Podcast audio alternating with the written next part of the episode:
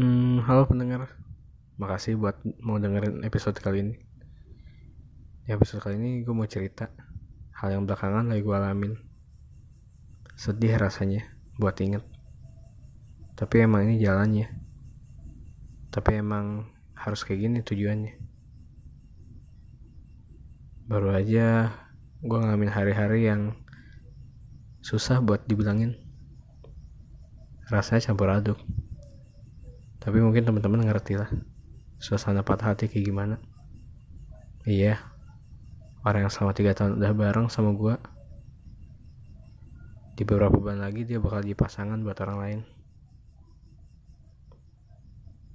Gue tahu apa yang salah. Tapi di antar kesalahan itu gue nggak tahu momentum yang pas buat nyelesainnya buat memperbaikinya gue kadang jadi problem solver. Gue kadang jadi risk taker. Tapi di saat ya, yang sama gue juga bisa jadi destroy orang yang ngerusak momen orang yang ngerusak perasaan.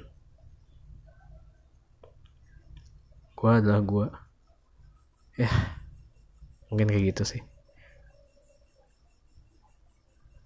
Sedikit renungan yang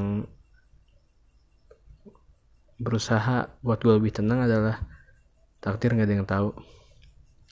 Takdir ditentukan dan kita cuma milih perannya.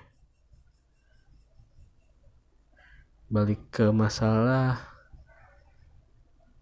sebenarnya mau kapan pun diakhirinya kalaupun emang gue bukan jodohnya ya bakal kayak gini akhirnya. Entah hari ini entah besok atau entah beberapa tahun yang lalu bahkan sebelum hubungan gue dimulai. Berat sedih bingung.